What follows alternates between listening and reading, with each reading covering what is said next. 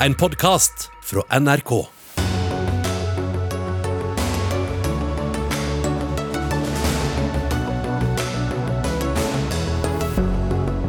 Redd Barna advarer mot å ta med flere enslige barn til Norge fra Kabul. Så hva nå? Norge må være til stede i Afghanistan, mener en som nettopp kom hjem derfra. To nye rapporter er ikke nådige mot regjeringens og Høyres likestillingspolitikk. Rapportene er snevre og misvisende, protesterer Høyre.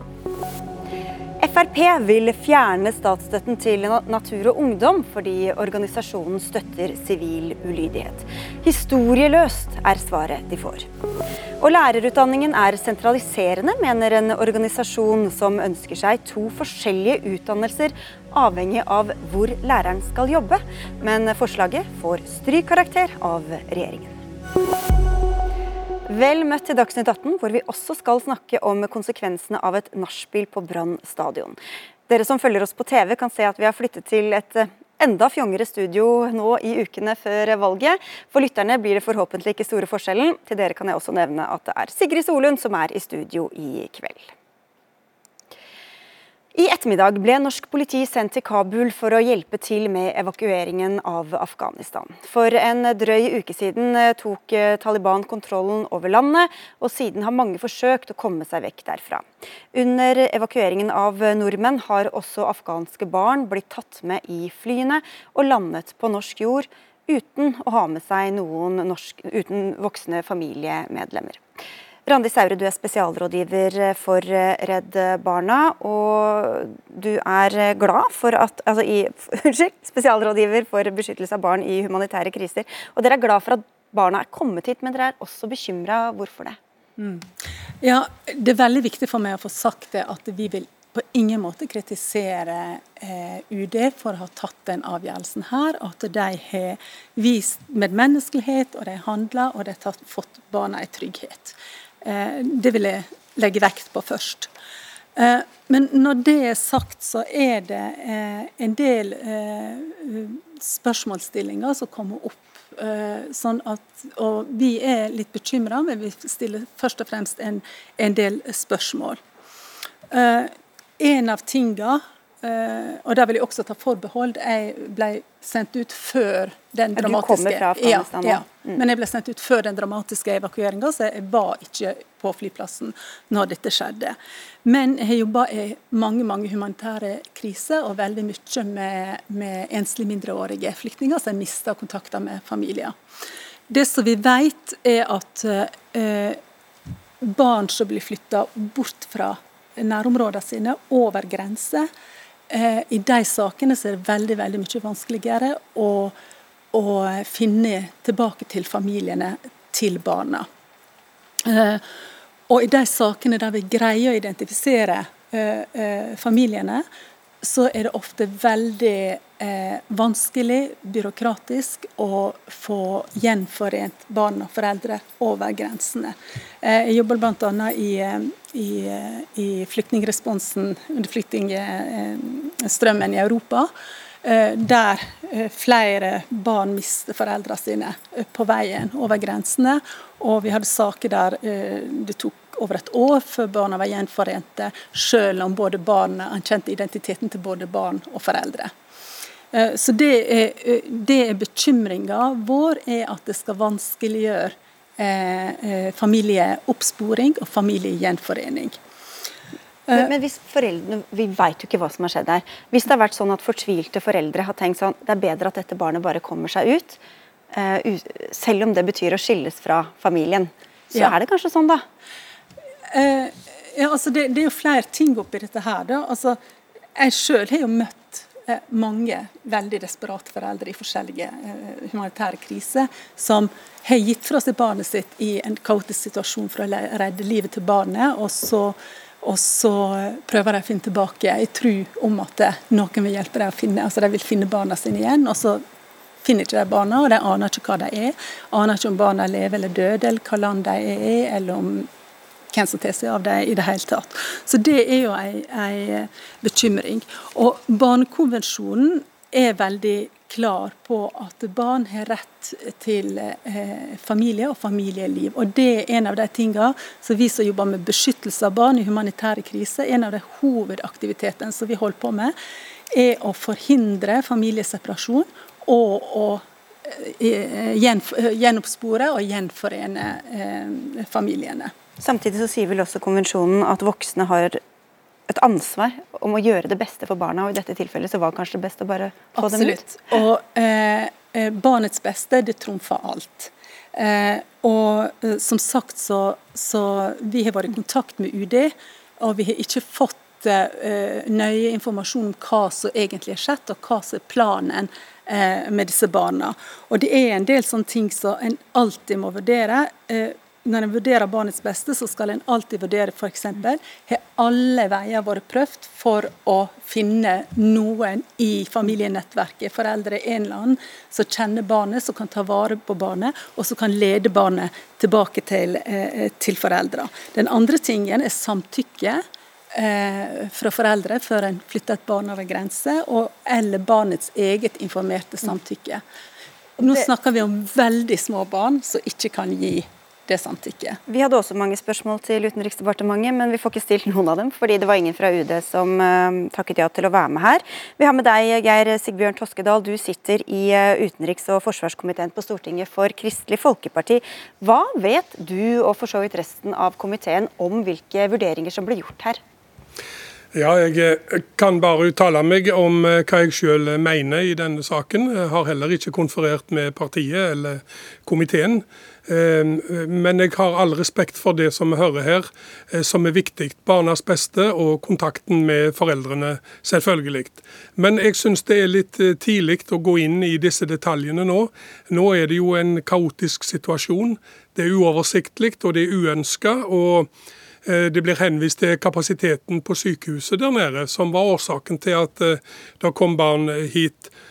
Og da er det klart at det er en nødsituasjon som har oppstått. Vi har våre beste folk der nede innen forsvar, innen helse osv. Og, så og de har vurdert situasjonen slik. Eh, og Så får vi ta alle de spørsmålene som Redd Barna og andre tar opp. Eh, det må vi ta når eh, vi får tid til å gå gjennom dette. Men tiden er ikke inne nå, verken for evaluering eller etterpåklokskap. Men det er klart at... Har du mer informasjon om hvem de er, hvor mange de er, hvor gamle de er? Sånne fakta? Det kan jeg ikke gå ut med nå. Det er det utenriksminister og departement som skal svare på. Jeg snakker for meg sjøl og hva KrF mener. Vi setter pris på at barnas beste har fått det fokuset, men vi deler fullt ut det synspunktet om at eh, identifikasjon og kontakt med foreldre er svært viktig. Og dette må tas i tur og orden. Selvfølgelig må det det. Eh, nå er det sendt politi ned, som det blir sagt, som skal bistå både med identifikasjonsarbeid og med trygghet i transportsituasjonen. Slik at eh, norske myndigheter er på banen her. Det syns jeg er veldig bra og tillitsvekkende. Men det er en svært krevende situasjon, og fremdeles er det kaotisk og uoversiktlig både eh, ved flyplassen og utenfor. Og vi har all respekt for den kaotiske situasjonen som er, for den jobben eh, som blir gjort. Men vi vet at for barn i krise altså, så er det ekstremt eh, eh, altså Det kan være veldig traumatiserende for barn å bli separert fra foreldre og kjente omgivelser i, i krisesituasjoner. Eh, og vi spørsmålene våre er litt sånn hva type lov, internasjonale, eh, internasjonale lovverk, konvensjoner etc. Er det, er det, eh, er det fulgt? Og ikke minst så hva er planen for disse barna videre for, for å sikre at de får en effektiv og god familiegjenforening. Vi kan, vet du hva, jeg tror vi skal si Tusen takk for at du ja. kom. Så kan vi sende deg spørsmål mens vi gjør et lite gjestebytte her. Toskedal, er det noen plan videre for disse barna? Ja, Det kan jeg heller ikke kommentere, men jeg kan garantere det at eh, det vil bli barnas beste som skal prioriteres. Og identifikasjon og kontakt med foreldrene eh, står, eh, står høyt. Det er en selvfølge. Så må en hele tida, som jeg har sagt i andre sammenhenger, ha tillit til våre dyktige folk der nede som har tatt en, en avgjørelse i en utrolig krevende situasjon. Så ære være deg. Da får vi se og i dagene og ukene som kommer, hva som kommer ut derfra. Det er jo, pågår jo fortsatt evakuering fra Afghanistan. Eh, men en av dem som er kommet hjem til Norge derfra, det er deg, Aisha Wolasmal. Du er humanitærarbeider, og for ordens skyld også søsteren til vår korrespondent der nede, som vi har hørt mye og sett mye de siste ukene. Og du har skrevet en tekst som også er publisert på Trønderdebatt. 'Unnskyld, Afghanistan, vi sviktet dere', skriver du, og vi skal høre litt mer om det. Men si først litt om hva du fikk med deg av dramatikken på denne flyplassen som vi har vært innom? Eh. Jeg er jo både enig med Redd Barna, eh, men kanskje aller mest enig med Toskedal. Det har vært en svært krevende situasjon for Forsvaret, for UD, å håndtere disse barna. Jeg var jo selv på feltsykehuset i nesten en uke eh, og så jo at det ramlet inn stadig nye barn. Dette er barn som har mistet foreldrene sine. Dette er barn Noen av det som gjorde sterkest inntrykk, var jo at noen av de barna jeg så på sykestuen, var jo så unge som to uker gamle. Eh, og helsepersonellet og Forsvaret jobbet på spreng for å lokalisere foreldrene. Noen av disse klarte å komme i kontakt med foreldrene, men eh, jeg forstår det slik at de som har kommet til Norge, er barn hvor man har forsøkt eh, alle mulige metoder for å komme i kontakt med foreldrene. Man har ikke lykkes, og så har man tenkt at de kan jo ikke bli her. Eh, og, og, UD har vist eh, overraskende nok handlekraft eh, og, og, fått disse barna til Norge. Og så må, må Redd Barna og andre internasjonale organisasjoner gjøre det de må gjøre for å sørge at eh, de får kontakt med familien sin igjen. Men jeg vil bare understreke at situasjonen på den militære flyplassen er det verste ikke bare jeg har sett, men veldig, veldig erfarne humanitærarbeidere, hjelpearbeidere, spesialsoldater, diplomater. Eh, det, det kan man ikke tone ned. De har tatt de vurderingene som har vært riktig eh, der, der og da. Og så til det større bildet, hvor du også ber om eller beklager, ber om unnskyldning på vegne av mange, da, vil jeg tro. Hva er det å si unnskyld for? Åh, det er et veldig vanskelig spørsmål. Eh, jeg personlig sier jo unnskyld for at det gikk som det gikk. Eh, og det kan man utdype på mange måter. Det ene er jo denne altså måten vi trekker oss tilbake på, Vesten. Jeg har jo stått i dette studio, kanskje ikke fysisk det samme studio, men jeg har vært eh, på Dagsnytt 18, jeg har vært på alle mulige eh, TV-kanaler og nyhetskanaler og snakket varmt om det norske nærværet, både sivilt og militært. Jeg har vært krigens muntre ansikt. Det hørtes ut som ja, ja, ja, men det er jo sånn jeg har opplevd det. At jeg har eh, forsvart de valgene vi har tatt politisk her hjemme. Fordi jeg har hatt så mange roller knyttet til eh, Norge, da. Eh, og nå står vi her, og du har selv sett bildene. Du har sett, selv sett kaoset utspille seg på bakken. Eh, det er fortsatt veldig mye frykt blant afghanere, eh, og den frykten må vi ta på alvor. Og det er det jeg beklager for, at, eh, at denne uttrekningen kunne vært håndtert så mye bedre. Og så har vi et ansvar, og det kan vi også snakke om. Ja, ja Vi kan høre med deg, Toskedal fra Kristelig Folkeparti, om denne raske uttrekningen og hvilket ansvar vi tok eller ikke tok, da. Ja, Den vil ikke jeg eh, uttale meg om nå, men jeg kan iallfall forsikre om at eh, ja, og det er plassen vi tar opp slike spørsmål. Men det er klart at KrF og det de norske myndigheter vil følge situasjonen veldig nøye. Ikke minst når det gjelder humanitær og sivilsamfunn. Hva må til nå, mener du, Ole Ja, nei, Det er mange ting som må til. Jeg tror for det første at det er viktig å holde seg til uh, den tidslinjen man har blitt enige om for tilbaketrekning, og det er 11.9. Eh, sannsynligvis så vil det skje raskere. Men det som er langt viktigere, er at vi fortsetter å ha et humanitært nærvær i Afghanistan. Et diplomatisk nærvær. Eh, jeg har full forståelse for at det er vanskelig for et vestlig publikum å akseptere at Taliban nå har kommet til makten. Men jeg vil også minne om at Taliban kom ikke over natten.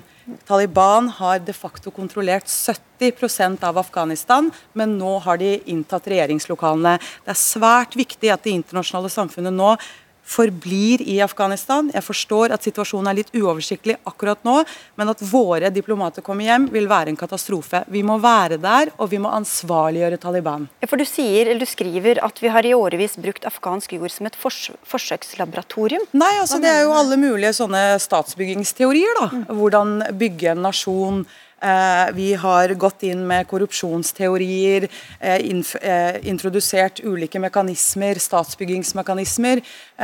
Og vi ser jo hva resultatet har vært. Når det er sagt, så vil jeg jo også sant, Jeg er helt tydelig på at alt ikke har vært forgjeves. Og mitt poeng er at man må kunne klare å ha flere tanker i hodet samtidig. det viktigste nå er at vi fortsetter å ha et diplomatisk nærvær det er viktig at vi har et humanitært nærvær. Afghanerne trenger de bistandsmidlene nå mer enn noensinne. Og så må jeg jo påpeke at det er veldig hyggelig at KrF stiller når både Ap og Høyre glimrer med sitt fravær. Da kan du få avslutte, Toskedal. Hva, hva kommer til å skje framover? Ja, Det skal bli en kort avslutning. Vi vet ikke hvilket Taliban vi har med å gjøre. Det vil bli en vesentlig spørsmål eh, framover. Men eh, Norge og KrF vil i alle fall følge denne situasjonen nøye, med tanke på eh, både kvinners rettigheter, barns forhold til utdannelse og humanitær hjelp, og sivilsamfunn generelt. Takk skal du ha, Geir Toskedal fra KrF, og tusen takk til deg også, Aisha Wolasmal.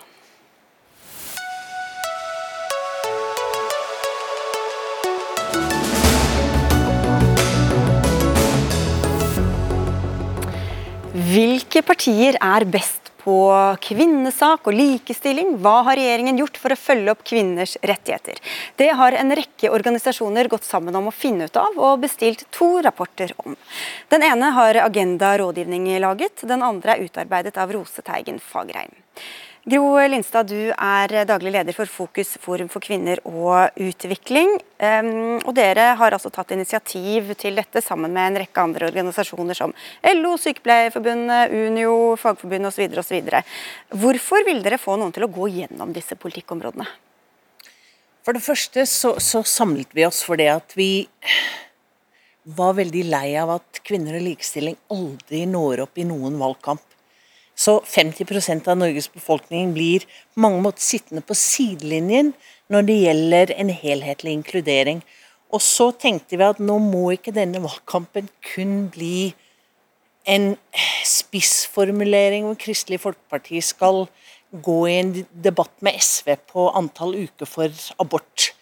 Eh, og så tenkte vi nå må vi gjøre noe. Så da gikk vi sammen og så fant vi ut at hvis vi skal gå gjennom alle områdene, så blir det altfor bredt.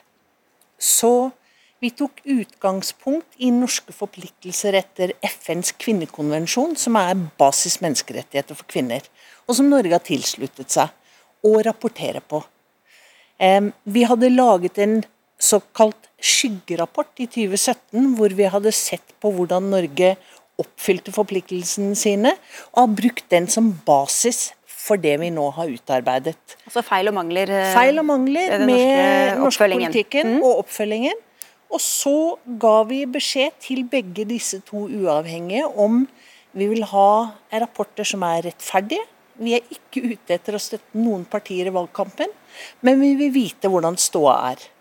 Og det var basisen. Og da kom det jo Noen partier kom dårligere ut enn andre, og regjeringa kom ikke så godt ut. Hva var dommen eh, disse rapportene felte over både regjering og, og politikere ellers?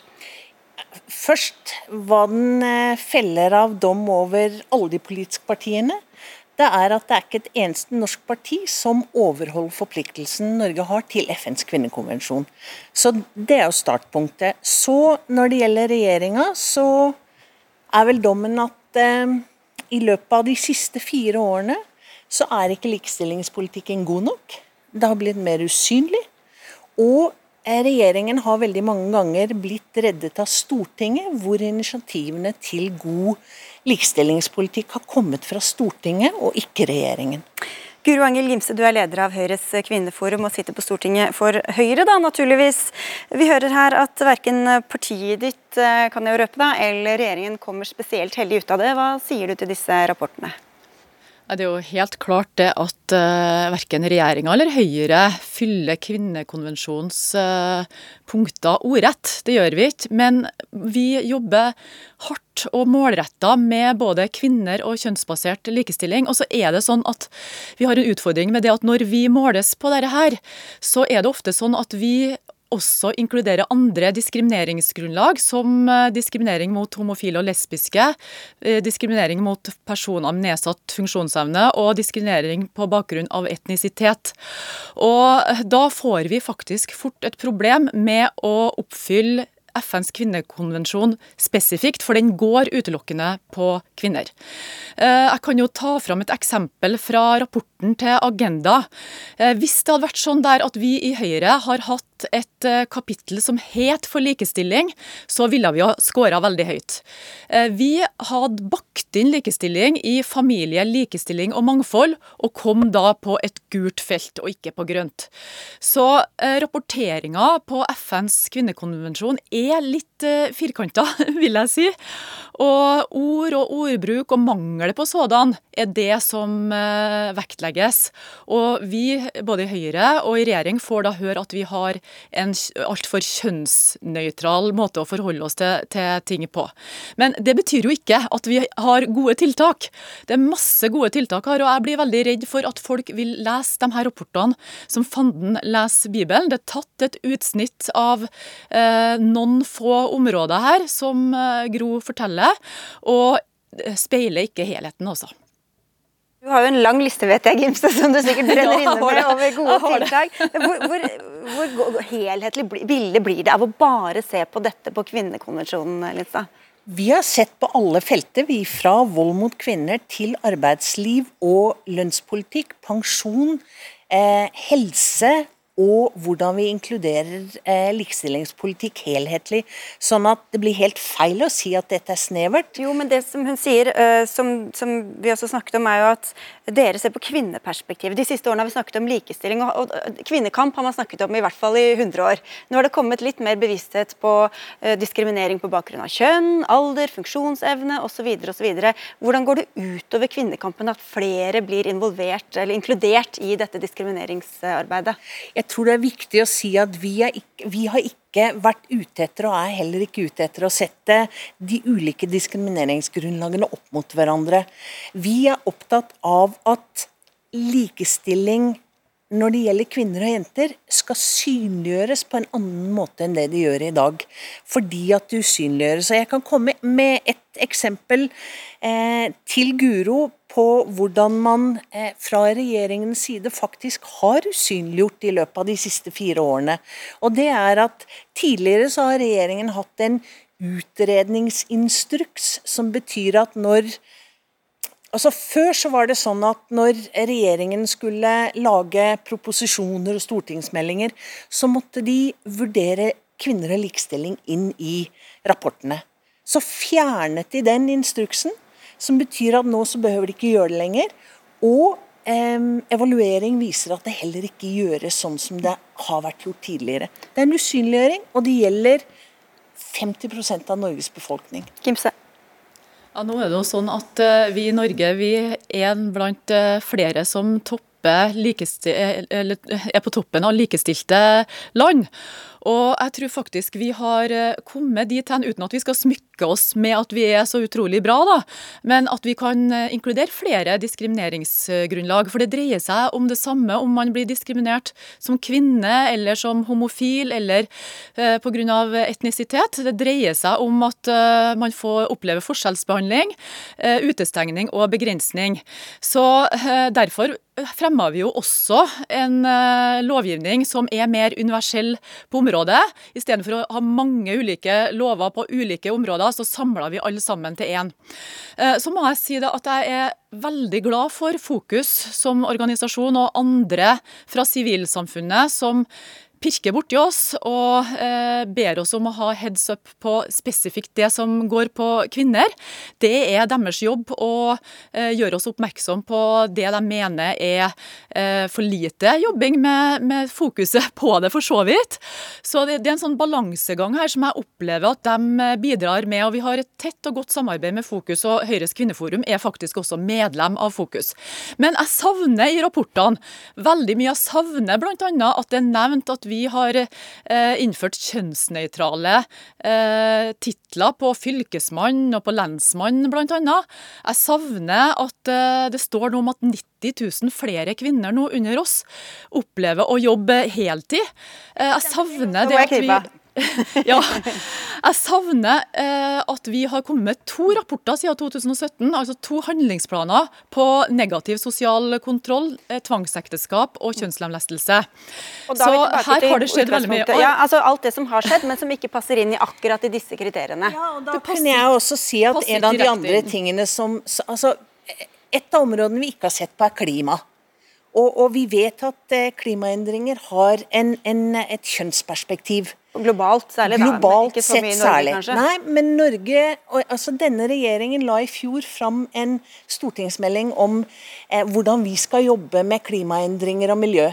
Hvis du går inn og søker der på ordet kvinne eller likestilling, så kommer det opp med null treff, fordi at den er totalt kjønnsblind. Og ut ifra det, så Altså, det vi vil, det er at vi faktisk skal ha søkelyset på dette her igjen. Fordi at det blir mer og mer usynlig. Og det at vi er så innmari flinke på verdensbasis i likestilling, det blir ofte en sovepute som vi kan skryte av i FN, men som ikke følges opp hjemme. Men Du sa at 50% av oss blir usynliggjort. Tror du mennene føler at de snakker så veldig mye om dem og deres kår i eh, valgkampen, da? Ja, det gjør vi. Og, det, og menn spesifikt? Ja, det, altså, veldig mye dreier seg om Det er på menns premisser veldig mye. Og vi ser også Nå kom det for to uker siden så kom det en eh, ny eh, rapport som også ble uh, referert på NRK, som viser at kvinner diskrimineres gjennom hele livsløpet. Ikke sant? Utdanning, jeg, tror ikke vi skal gå inn. jeg tipper det er ganske mange menn som ja. sitter og føler at jeg blir ikke veldig løfta fram og snakka om uh, i hver valgkampsending. Men, men, det er litt sånn der på altså, Det samme som menn sier eh, på 8. mars, hvorfor har vi ikke en egen mannsdag? Det er sånn, Vi markerer kvinner og kvinners rettigheter én dag i året, og så er det veldig mye menn resten. Men dette her er jo altså Vi får jo ikke til likestilling hvis vi ikke har med menn og gutter. Så det er ikke for å ekskludere, men for å inkludere mm. og for å løfte. Ok, Gimse, en kommentar til det. Ja, jeg er svært opptatt av å løfte kvinner og eh, kvinners rettigheter. og Det er regjeringa og Høyre også, og vi jobber aktivt med det her temaet. og eh, jeg kan tror du at kvinneaspektet kan, unnskyld, men tror du at kvinneaspektet kan forsvinne litt, når alle grupper skal på en måte inkluderes i de samme handlingsplanene, de samme omtalene, de samme lovkapitlene osv.?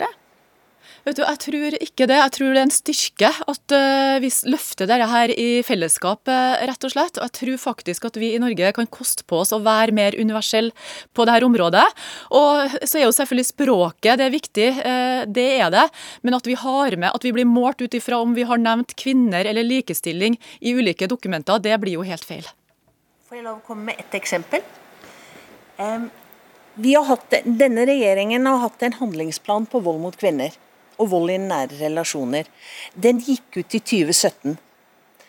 Fra 2017 fram til i dag så har vi vært uten noen som helst handlingsplan på området. Det ble lansert en ny en i 2021, rett inn i valgkampen. Når det ikke er nevnt, så blir det heller ikke løftet. Ok. Du, eh, Da sier vi takk til dere begge to. Eh, nå er det i hvert fall kommet en eh, ny, og da kunne du jo ha nevnt den sikkert, Gimse, om igjen. Men takk skal dere ha begge to. Guro Angel Gimse fra Høyre og Gro Linstad, daglig leder for Fokus.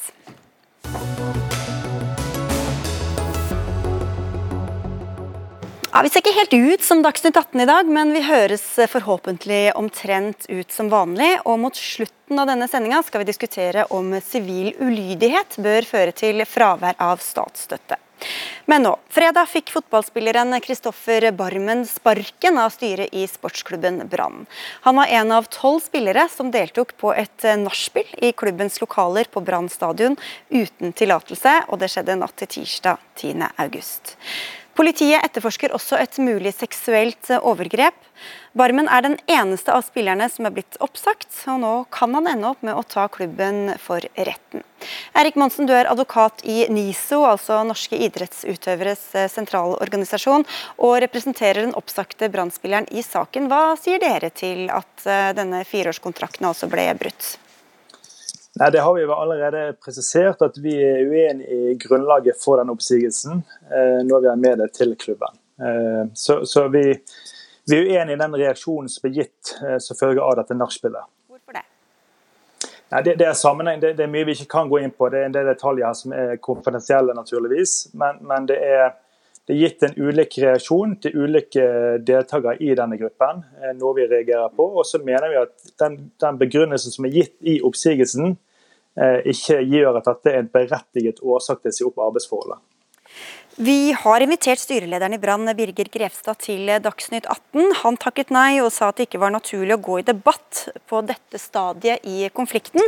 Men Anders Pammer, du er sportskommentator i Bergens Tidende og er med oss, og du forsvarer ledelsens handlemåte her. Hvorfor det? De argumenterer jo for at uh, grunnen til at de plukker ut Barmen, er at han har hatt en sentral rolle i uh, arrangementet, for å si det på den måten. Uh, og Jeg har vært opptatt av at det går an å differensiere de ulike spillerne ut ifra hvilken rolle de har hatt i planleggingen og gjennomføringen av, av nachspielet. og så at det Eh, er gjerne en del unge spillere her som har fulgt etter de, de eldre. Så, så det, Hvis det er riktig, som Brann argumenterer for, at han har hatt en helt sentral rolle i dette nachspielet, så mener jeg at det var riktig av Brann å reagere veldig strengt på, på det. Madsen? Ja, det er der man er litt uenig, da. Eh, ikke nødvendigvis med Anders Parma, men hva som er grunnlaget for oppsigelsen. For det at eh, kjenner seg ikke igjen i den beskrivelsen som han er tillagt i den oppsigelsen. At han skal ha hatt en angivelig sentral rolle i i gjennomføringen av dette nachspielet, dette arrangementet. Hva slags represalier hadde vært på sin plass da? Nei, nå er jo ilagt en, en skriftlig avvarsel til samtlige spillere som deltok på dette, på dette nachspielet. og Det tenker jeg har vært en fornuftig tilnærming overfor alle, med mindre man klart og tydelig og bevismessig har grunnlag for å differensiere. Erlend Ytterarne Vågane, du er leder av bataljonen, altså Branns supporterklubb. Hva syns dere om håndteringa her? Altså Det er veldig vanskelig å eh, overvurdere hvor alvorlig denne saken har, eh, har blitt. Det, det, har nok blitt eh, altså, vil jeg kalle det litt sånn identitetskrise for, eh, for klubben. og det er mange som, eh, som eh, ikke ja, har vurdert skal vi fortsette å støtte klubben, eller skal vi, skal vi finne på noe annet å gjøre. Og, men, og det er klart det har krevd veldig tydelige og sterke reaksjoner fra, fra klubbens side. Eh, og det kom nå på fredag, og det, det, var nok helt nødvendig for at det skal være mulig å, å komme videre i, eh, fra denne saken og stå sammen og, og, prøve å gjenreise klubben. Jeg må bare nevne at eh, Barmen er ikke, altså Den oppsagte spilleren er ikke mistenkt for noe lovbrudd. Men det høres jo kanskje ikke så alvorlig ut for alle som ikke kjenner Eh, ryktene eller har lest detaljene her. Hva er det som er så veldig Du sier at det kan ikke overvurderes hvor alvorlig dette er, eh, Vågane. Hva er det som er så alvorlig? Ja, Det er flere ting med det. Det ene er jo på en måte eh, det at det gjennomføres nachspiel i det hele tatt, mens vi ligger på bunnen av tabellen. Altså fyll og fest. Det, det harmonerer ikke med, med der, vi, der, vi, er. Det andre er jo at vi bruker Brann stadion som, som, arena for, for, fest. Det tredje er at man har tatt med seg gjester inn i en strengt eh, kohortregime. Og selvfølgelig òg en, en, veldig viktig del av dette at, at, altså, hva skal man si, at det blir dratt med unge jenter på, på nachspiel fra eh, spillere som har en høy status, en kjendisstatus, eh, inn i på nachspiel på denne måten her, og, og ja, skal ikke gå, gå, videre inn på det, men, men det, det er heller ikke akseptabelt. Det var ikke min mening at du skulle sitte og publisere rykter eh, her i Dagsnytt 18. Pamer, hvilke andre alternativer hadde ledelsen hatt, da? Nei, Så vidt jeg vet, så er det jo ikke lov å bøtelegge spillere i Norge. Det der kan Monsen mye mer om enn det jeg kan. Men, uh, men, de kunne jo, som han er inne på, de kunne jo valgt å, å, straffe alle likt. Opprinnelig så var jo det meningen fra Branns side å, å ikke, ikke, gjøre noen ting. Det ble iallfall kommunisert at de de ønsket at ingen kom til å bli straffet og utelatt fra laget. og så, og så tenkte de seg om, og så, og så, reagerte de på denne måten. Men det er ikke så mange andre sanksjoner. altså Det er jo helt ordinært arbeidsliv, dette. så dette er jo den strengeste reaksjonen det går an å, komme med, det skal vi være klar over. og det er klart at Oppi dette så er det jo fryktelig synd på Kristoffer Barmen, som er herifra og er, har spilt for klubben siden han var liten gutt. Og å bli, bli, oppsagt av en klubb han har vært veldig veldig glad i. Så Det det er klart et menneskelig aspekt oppi det hele også. Men hvis det er sånn, som Brann sier, at han har hatt en helt sentral rolle i organiseringen og gjennomføringen av et nachspiel som har antatt disse proporsjonene som det har, så mener jeg det var riktig å, å bruke den, eh, det strengeste virkemidlet de hadde. Men kan det også være en måte å kvitte seg med saken? At nå har vi gitt en person sparken, og så ferdig med det? Nei, det, de har jo ikke helt klart å kvitte seg med saken. og Det er en del av de andre nachspiel-løvene sin eh, fortjeneste. fordi de har eh, ikke ønsket å, å bekrefte om de har eh, deltatt på, på nachspielet. Så jeg tror de er avhengig av det før, før, før, de kan legge saken død. Og så har vel Monsen også andre planer med å, å, å forhandle med Brann og i ytterste konsekvens kanskje også trekke, trekke Barmens tidligere arbeidsgiver for retten. Ja, Hva er planene her, Monsen? Nei, nå skal jeg ikke forskuttere noe. Nå må dette samkjøres med, med Barmen selv, selvfølgelig, som tar den endelige beslutningen på, på, veien videre. Men vi har jo disse arbeidsrettslige reglene som sier at dersom man er uenig i en oppsigelse, så kan man kreve forhandlinger med arbeidsgiver. Så det vil jo være et naturlig neste steg i en sånn type prosess. Og et mulig neste steg etter der igjen er eh, rettssalen? Ja, Kommer man ikke til enighet i forhandlinger, så er det naturligvis en mulig, et mulig scenario. Men jeg ønsker ikke å forskuttere hva, hva utfallet eller den videre saksgangen vil være. Vågane, hvordan har det vært å være branntilhenger nå da, de siste ukene? Nei, det har vært, eh, det har vært opprørende. Og, og, som jeg sa, det har vært en litt sånn identitetskrise for, eh, for en del. Så, men vi har jo prøvd å, å markere Iallfall at eh, litt hva vi syns fra, fra, tribunehold. Og vi har jo mest konkret så, så gjennomførte vi en, eh, en stilleaksjon på eh, forrige kamp mot, hjemmekamp mot Sandefjord, hvor vi var stille i 19 minutter og 8 sekunder. og Det var jo for å markere at dette, det er jo ikke sånn som dette her vi kan ha det. Det er ikke dette som er, er klubben vår. Og, altså 1908 henspiller jo da på eh, klubbens stiftelsesår, eh, for å òg symbolisere at, at vi er vi er tross alt Brann, og det, klubben er, større enn en enkeltspillerne i, i, klubben. Så, eh, ja. Men Hva skulle du ønske at enkeltspillerne gjorde da? Nå? Nå er det Altså, vi har eh, oppfordret de til å i alle fall komme med en slags uttalelse om hvordan ønsker vi å ha det eh, framover. Hva forventer vi av hverandre, eh, både uten, på og utenfor banen. Det er det, det er iallfall ett lite steg på å gjenoppbygge tilliten, tror vi. Eh, og Hva har responsen vært der? Det har de sagt eh, tidligere at de ønsker at, eh, å, å, gjøre. Så får vi se hva som kommer. Eh, men, men, det er klart, dette kan jo se ut som en, en ukultur. Og, og, da er det iallfall viktig at spillerne tar ansvar for å bygge en ny kultur som er både i tråd med klubbens verdier og det å drive toppidrett som, og, og bygge et lag som kan gjøre byen stolt. Er det noe som tyder på det, Pamer, at det er en ukultur i laget? Brann sier jo det sjøl. Eh, og jeg har dekket Brann i, i 21 år, og jeg ser jo det at eh, det har, eh, de har hatt et litt, litt I hvert fall en, en, en, gruppe har hatt et litt sånt litt avslappet forhold til dette med, med, med å være A- og B-menneske. og Gått og lagt seg litt seint og, og, vært ute på, på byens vannhull. Så skal vi, skal vi huske at i Bergen så er det litt sånn at så lenge det går bra, så kan det være at de får påspandert en, en, øl når de er på byen, men når de ligger på bunnen av tabellen, så, så, er det ikke like lett å, å, å være brann og sitte ved bardisken. Så eh, Brann sier selv at de, har, at de, innrømmer at det har vært en, eh, en ukultur. og I så måte så, så, må jo ledelsen i klubben også se seg sjøl i speilet og, og, spørre seg om hvordan den kunne oppstå uten at de enten oppdaget den eller gjorde noe med den. Så det kan få etterspill. Takk skal dere ha alle tre. Anders Pamer, sportskommentator i Bergens Tidende. Erlend Ytterarne Vågane, leder i Bataljonen. Og advokat i NISO, Eirik Monsen.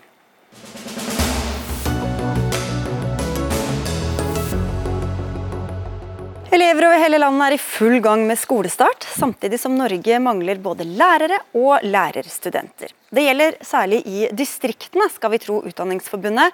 Og det er nettopp skolene i distriktene dere er opptatt av, Jenny Myklebust. Du er med i en gruppe som kaller seg Fremtidens distriktsskole, og sier at en del av løsningen i hvert fall ligger i lærerutdanningen. Hva må skje der? Ja, Vi mener jo det at sånn som lærerutdanninga er i dag, så virker den sentraliserende i seg sjøl. Eh, tidligere så hadde vi jo den gamle allmennlærerutdanninga, der du hadde en bred fagkompetanse. Eh, det trenger vi i distriktet. Vi trenger lærere som har mange fag.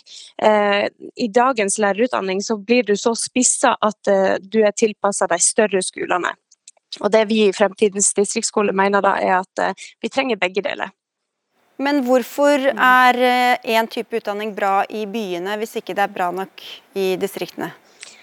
I distrikter på mindre skoler eh, så trenger du jo, eh, trenger du jo lærere som har en, en bred kompetanse.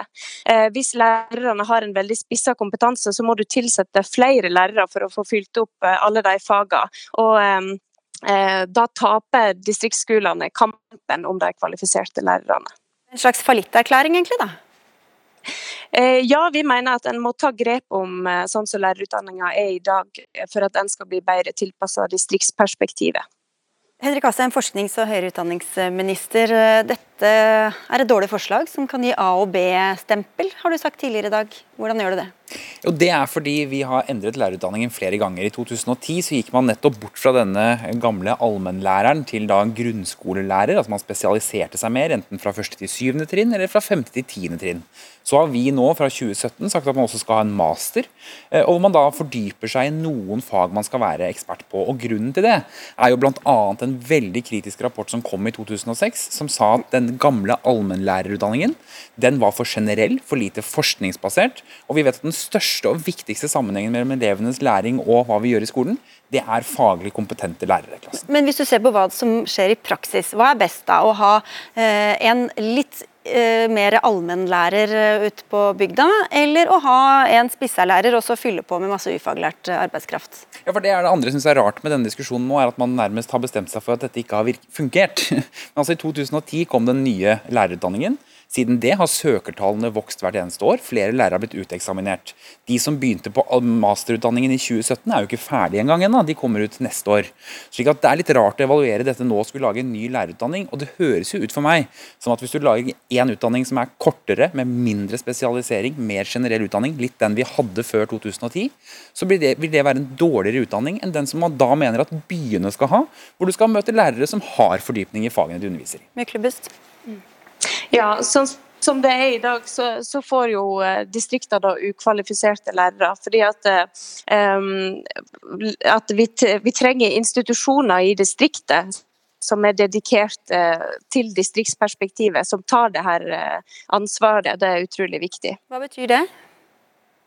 Vi trenger institusjoner i distriktet som, som har ansvar for lærere lærerutdanning i distrikt. Så sånn som lærerutdanninga er i dag, at vi har så spissa lærere, eh, så er, de, så er lærerutdanninga skreddersydd for, for, byskolen, og vi får ukvalifiserte lærere i distriktet. Men hvorfor skal man ha en eh, lavere, lavere krav bare fordi at du er eh, til læreren som, som underviser i distriktene, enn de som blir undervist i storbyen?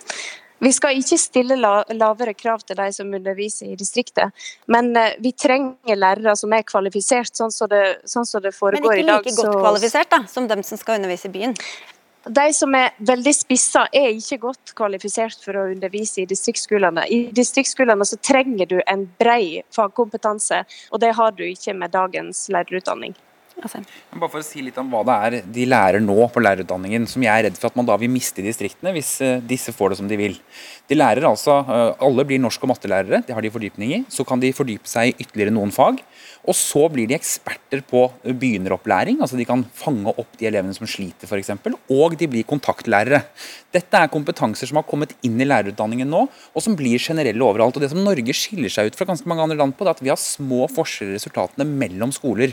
Det må vi nå ikke glippe på. Vi må ikke lage to lærerutdanninger, en A- og B-lærerutdanning for distrikt og storby. Men er ikke du enig med Utdanningsforbundet i at det er vanskeligere å skaffe kompetente lærere på bygda enn i en storby? Jo, det er det. Det vet vi at det er. Ja. Hvorfor er ikke da dette en mulig løsning på det? Fordi jeg kommer ikke til å være med på å jenke på forventningene og kravene til de som skal undervise barna. Selv om realiteten er verre enn det som ville vært da denne løsningen. Det er jeg ikke enig i at den er heller. Fordi vi både tar inn flere studenter, de fullfører, de kommer ut i skolen. Og så må vi ha tiltak for å sørge for at flere av dem velger å jobbe i distriktene.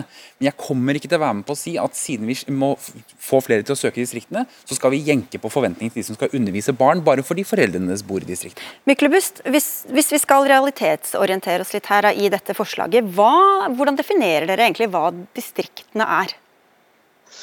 Um Norge er jo eh, et langt, langstrakt, langstrakt land, og det er jo eh, veldig mange mindre skoler her. Og sånn som det er på lærerutdanninga i dag, eh, så får lærerstudenter i mindre grad eh, ta praksis i distriktet. En lærer lite om fordelt, eh, fordelte skoler på lærerutdanninga. Eh, Sånn at en, en blir utdanna for å, å jobbe på større skoler. Eh, er hva, hva regner dere som distriktene? Hvilke eh, lærere skal begynne å jobbe på en distriktsskole? Altså, hva er en distriktsskole, og hva er ikke det? Eh, Vi har jo mange forskjellige typer skoler i Norge, og noen er jo fådelte. Det vil jo si at eh, en har flere klasser som går i lag i samme trinn. Og Da sier det seg selv at hvis du har en lærer som kun har engelsk, f.eks., og som har en veldig spissa kompetanse i- kun engelsk, så vil jo ikke han automatisk være en god lærer i en skole i distriktet der du trenger en lærer Nei, med men, mange men fag. også i en uh, liten by eksempel, så kan det være en skole som har uh, det du beskriver, altså en sånn type skole, mens en Mm. naboskole kan ha nok elever til å, til å fylle alle klassetrinnene. Skal man da ha ulike eh, på de to skolene, eller hvordan skal dere liksom skille mellom hvor de ene lærerne skal jobbe og hvor de andre skal jobbe? Ja. Vi, vi trenger egentlig eh, noe som ligner på den gamle allmennlæreren tilbake. Vi trenger en lærer som har en bred fagkompetanse som kan undervise i flere fag. Sånn som lærerne blir utdannet i dag, så har de en for smal kompetanse, og dermed er de ikke kvalifisert på de mindre skolene. Og sånn som du sier, det kan òg være i, by, i mindre byer eh, at en trenger lærere med en, en bredere kompetanse. Så da skal det ikke gå på distriktet, altså hvor det er, men bare rett og slett fra skole til skole, da? Mm.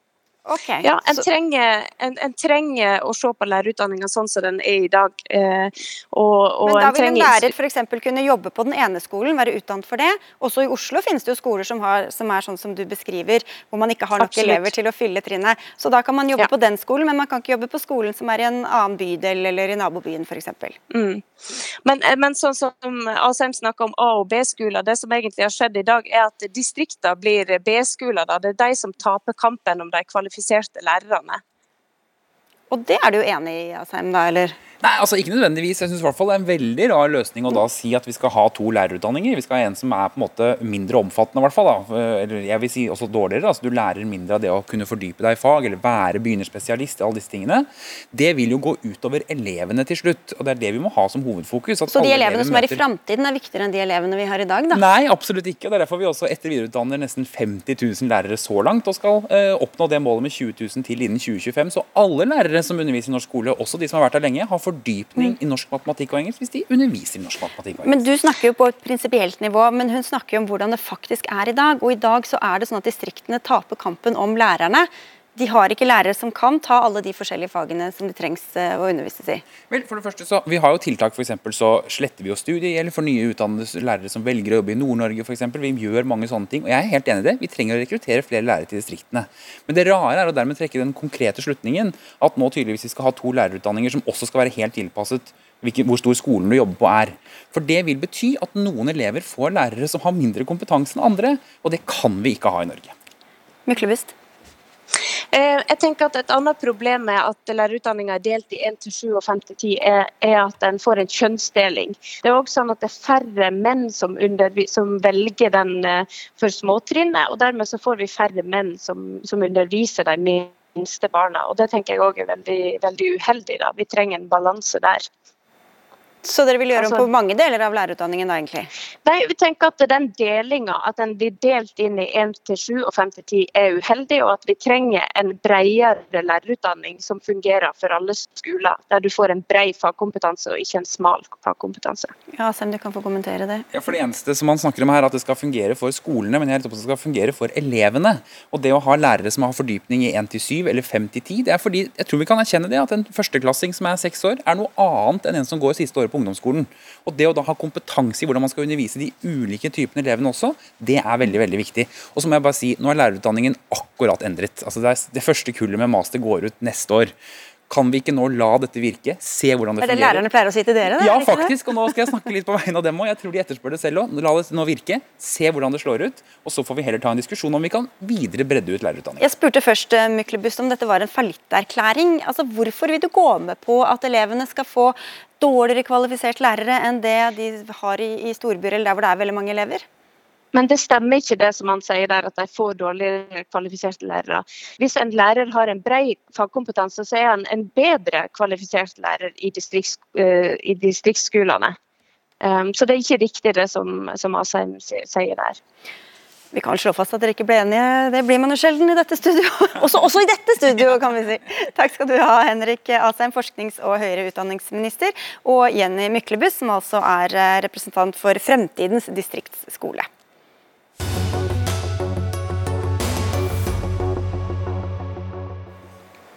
I dag har flere miljøaktivister fra gruppa Extinction Rebellion eh, aksjonert både utenfor og inne i Olje- og energidepartementet i protest mot regjeringens oljepolitikk. Aktivistene stoppet bl.a. også trafikken i Oslo. Til sammen er nå 48 aksjonister pågrepet av politiet. Sivil ulydighet har jo en lang tradisjon i miljøbevegelsen, også hos organisasjoner som får statsstøtte, som er det vi skal diskutere nå. Denne nevnte gruppa får ikke det, så det er ikke dem vi skal snakke om. Men du har fått nok av sivil ulydighet, virker det som. Sivert Bjørnstad, du er næringspolitisk talsperson for Fremskrittspartiet. Hva er det som er så galt med denne aksjonsformen? Ja, jeg har i grunnen det. Og jeg, jeg ser at det er noen som prøver å gjøre denne debatten til at det handler om å kneble ytringsfriheten eller å stoppe meninger man ikke liker. Det er overhodet ikke det det handler om. Eh, Det går et ganske klart skille mellom eh, ytringsfrihet, som vi er sterke forsvarere for, og eh, sivil ulydighet.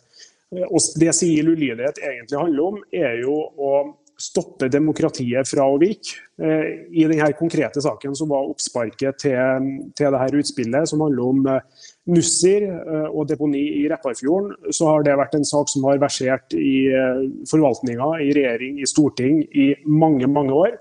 Og til slutt så har Miljødirektoratet sagt at den beste løsninga er et deponi i Repparfjorden.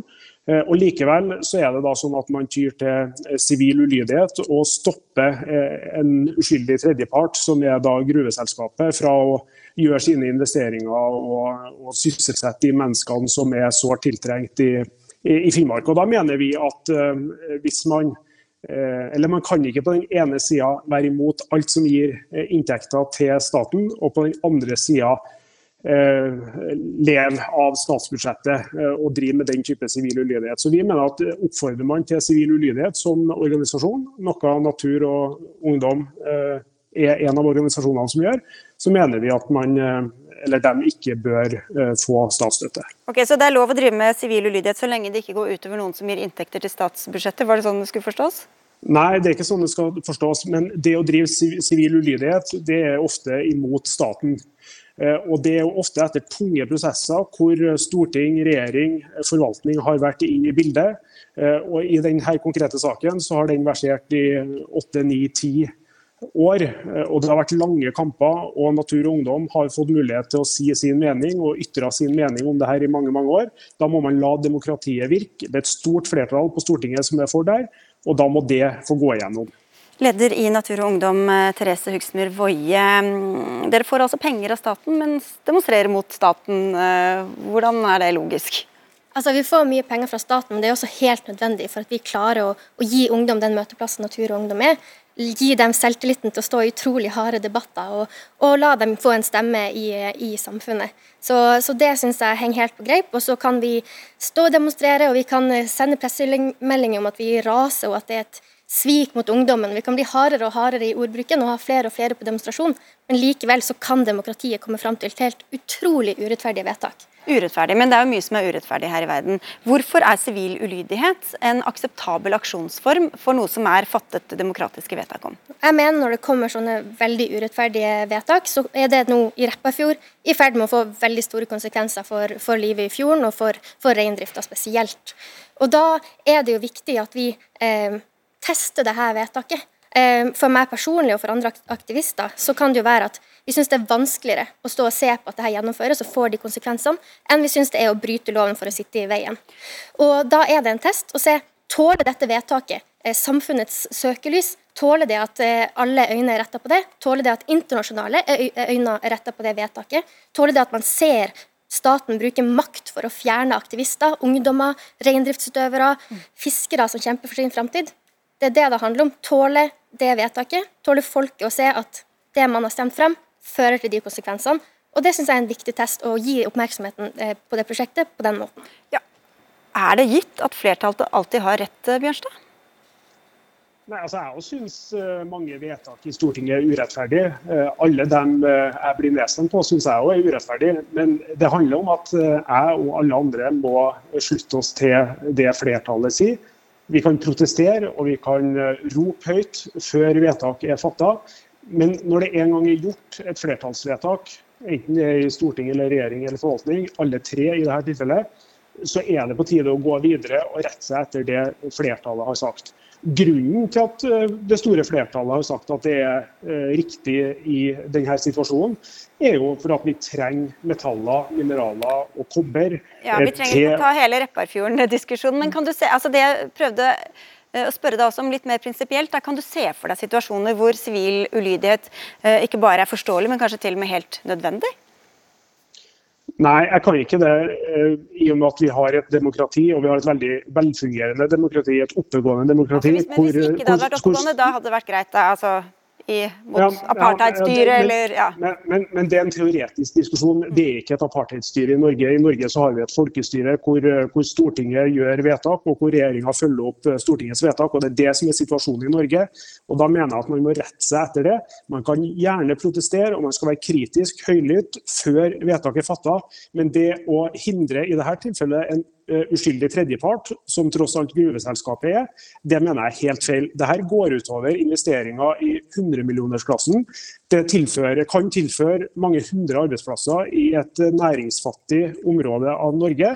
Og jeg mener jo at man bør ha det i bakhodet også når man driver denne type sivil ulydighet, at det er uskyldige tredjeparter. Ja, selv om ikke dere er enige med dem, så er det jo ikke de som har fattet dette vedtaket. Hvorfor er det rettferdig at andre tredjeparter skal lide? Altså, Vi går jo mot eh, statens eh, vedtak. Vi går mot uh, utslippstillatelsen og tillatelsen til å drifte i et reindriftsområde. Men det er ikke og, de som må lide for det? Eh, nei, eh, men det er jo de som har sagt at de ønsker dette gruveprosjektet. Det er de som har gitt tillatelsen. Så, så, egentlig er det jo staten som vi, vi går imot. Og at et gruveselskap eh, nyter godt av en altfor svak miljølovgivning, det, det, får så være. Vi men, men du er enig i at det er en uskyldig tredjepart som får lide for uh, disse aksjonene?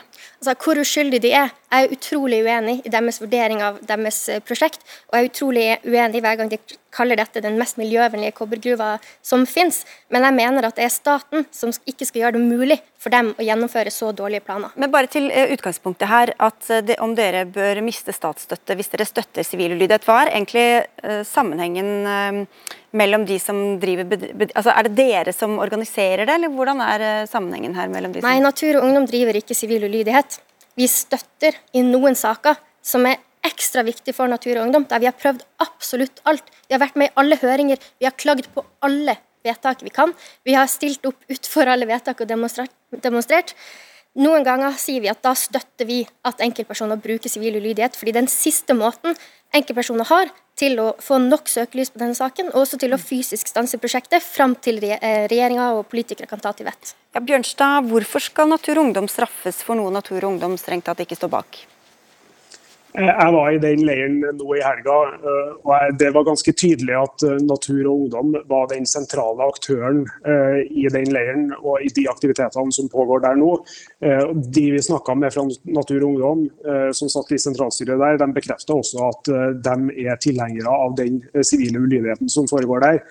Eh, så det jo, eh, vil det jo være skjønnsmessig om en organisasjon støtter eller ikke. Det er jeg helt sikker på at man klarer å finne en ordning på å, å definere eller ikke. Men det er ikke noe tvil om at Natur og Ungdom spiller en særdeles viktig rolle i det som nå utspiller seg oppe i Repparfjord.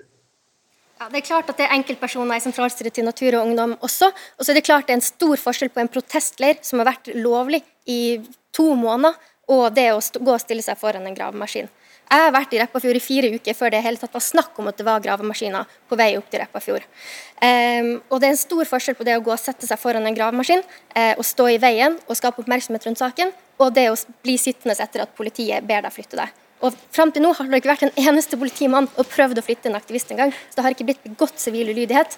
Men da, det kommer til å være folk som gjør det. Og inntil videre får dere statsstøtte. Takk skal du ha, Therese Woie fra Natur og Ungdom og Sivert Bjørnstad fra Fremskrittspartiet. Dagsnytt 18 er over for i dag. Vi er tilbake i morgen.